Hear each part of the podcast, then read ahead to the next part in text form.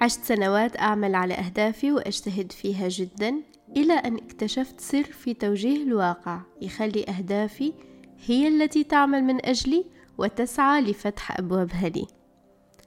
مرحبا بكم في حلقة جديدة من بودكاست أيبي ريالمز وجه واقعك. معكم عبير رحمن مرشدة روحية ومدربة في مجال الطاقة الحيوية وتوجيه الواقع متخصصة في قراءة سجلات الأكاشا ومتخصصة في التنويم المغناطيسي التراجعي. شغفي أني أنقل لك أعمق المعلومات والتقنيات في هذا المجال التي تجعل رحلة تطويرك رحلة مقدسة تدعمك ورحلة ممتعة تلهمك ورحلة آمنة تتطور فيها بحرية وباستمرار. والأهم عندي هو أن يصل لك كيف تحول هذه المعلومات لنتائج ملموسة بواقعك. واليوم سنتحدث عن كيف تجعل أهدافك هي التي تعمل من أجلك. إذا كنت من الناس اللي تكتب قائمة أهداف أول السنة أو قبل بدايتها كما كنت أفعل أنا سابقا أحب أن أخبرك أن هناك طريقة أروع بكثير وأسهل بكثير وأكثر توسعا للعمل على مخطط السنة. الفكرة يا جماعة إنه الواحد فينا في بداية السنة يجهز المكان رائحة جميلة أوراق أقلام أو دفتر خاص ويبدأ يكتب أهدافه أمنياته أو نواياه. عندي سنة كاملة 365 يوم وأقدر أحقق كثير أشياء. طبعا أنت في هذه اللحظة بالذات يكون عندك طاقة هائلة تستشعرها واحتمال تحس إنه صار الوقت إنك تعوض كل اللي فات وإنه هذه السنة اللي جاية سنة غير تماما. أمامك فرصة مفتوحة وأيام جاية أيام خير إن شاء الله. لتحقق فيها أهداف جديدة واللي يصير إنك تبدأ تكتب فعليا هذه الأهداف. طيب كلام حلو جدا يا عبير. أنا أسمع فقط ارتحت والله. وين الخلل في الموضوع؟ بغض النظر عن أن الأهداف أصلا غالبا هي نابعة من الخارج مش فعليا من داخلك. أنت أنت حاسس إنها أهدافك لكن أنت حابب من خلالها إنك تعيش أشياء أو تثبت أشياء سواء لنفسك أو لغيرك من خلال هذه الأهداف. وهذا يخليها أولا ومن البداية اسمها أهداف مزيفة يعني مش أهدافك الحقيقية. ثانيا هذه الطريقة تدخل طاقة منخفضة للنية وتشوهها وطول الطريق يصير مصاعب وتحديات كتنبيه من الكون إنك ماشي في طريق غلط وإنه هذا مش طريقك. طيب ركز معي شوية شوية وخليني أخبرك إيش اللي يصير ووين الخلل لأني كنت مثلك بالضبط قبل ما أكتشف مفتاح تجلي الأهداف.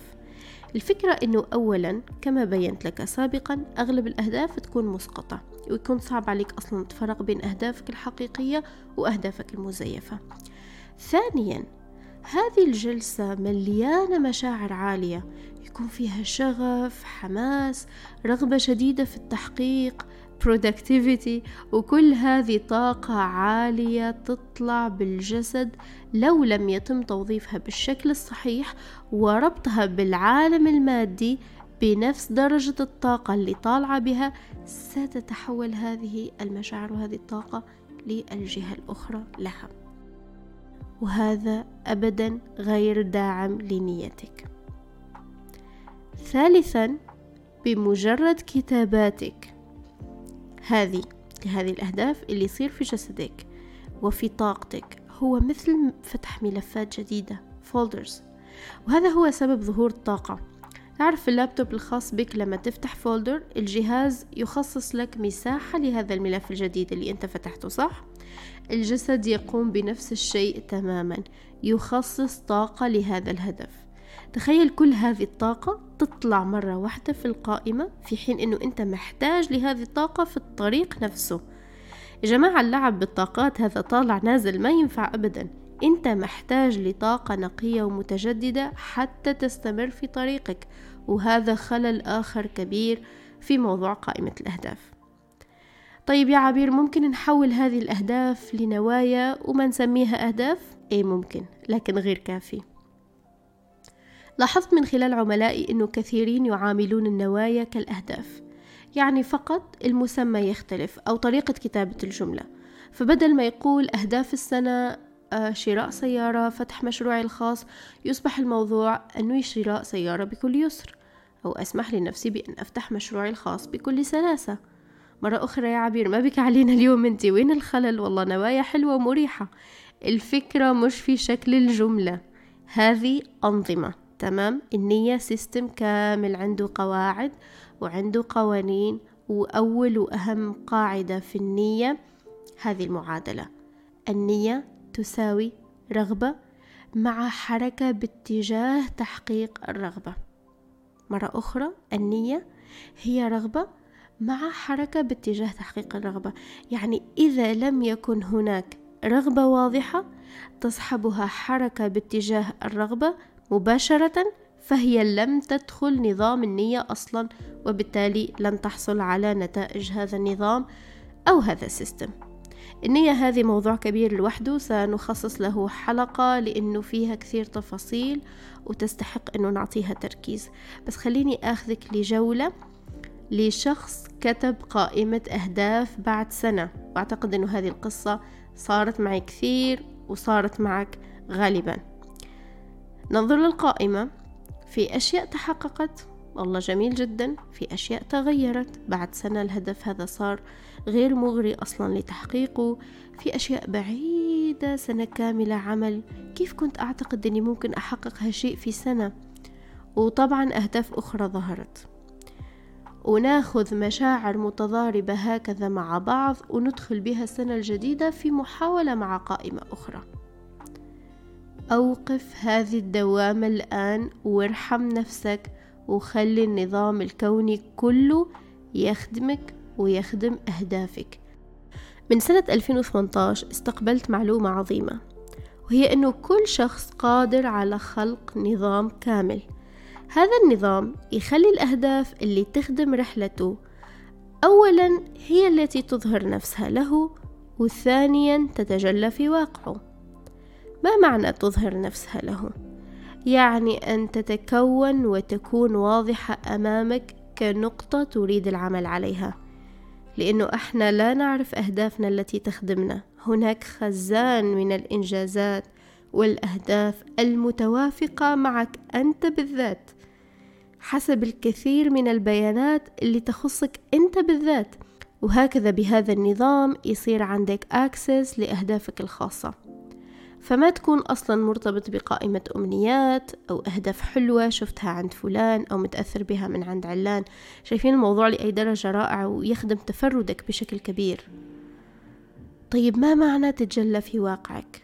أي تعمل على أن تكون حقيقة أن يظهر لك واقعك كل التفاصيل اللي تخليها تتجلى بسهولة.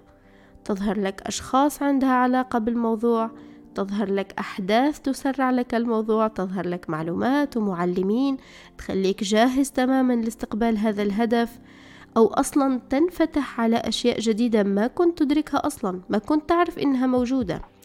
وهنا نتحدث عن شيء رائع وساحر حرفيا ساحر اسمه المدارات اللي من لما اكتشفته وأنا أطبقه وأتعامل به وأطور فيه وتحدث عنه بالتفصيل في دورة صممها. صح ديزاينت اللي قريبا رح يتم إطلاقها والإعلان عنها فخليك متابع. يا جماعة إحنا ما نعرف أهدافنا. وهذه المعلومة فكرة إنه إحنا أصلا لا نعرف أهدافنا أنا أعتبرها مكسب عظيم غيرت لي الكثير على مستوى شخصي. تخيل معي شخص يكتب قائمة ويلتزم فيها واحتمال يعطي لنفسه الفرصة إنه يضيف لها ويطور فيها. يعني وسط السنة لكن يبقى جدا محدود نظرته جدا محدودة وطاقته أيضا لأنه ورط طاقته في هذه القائمة.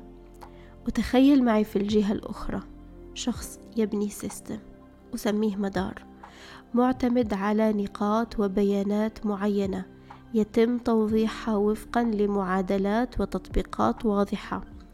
تخلي طول الوقت هناك أهداف تظهر وهذه الأهداف هي أعلى شيء متوافق مع خطته تعديل وتطوير واستقبال مستمر والأهم الأكشن الفعل اللي سيقوم به سيذهب في المكان المناسب.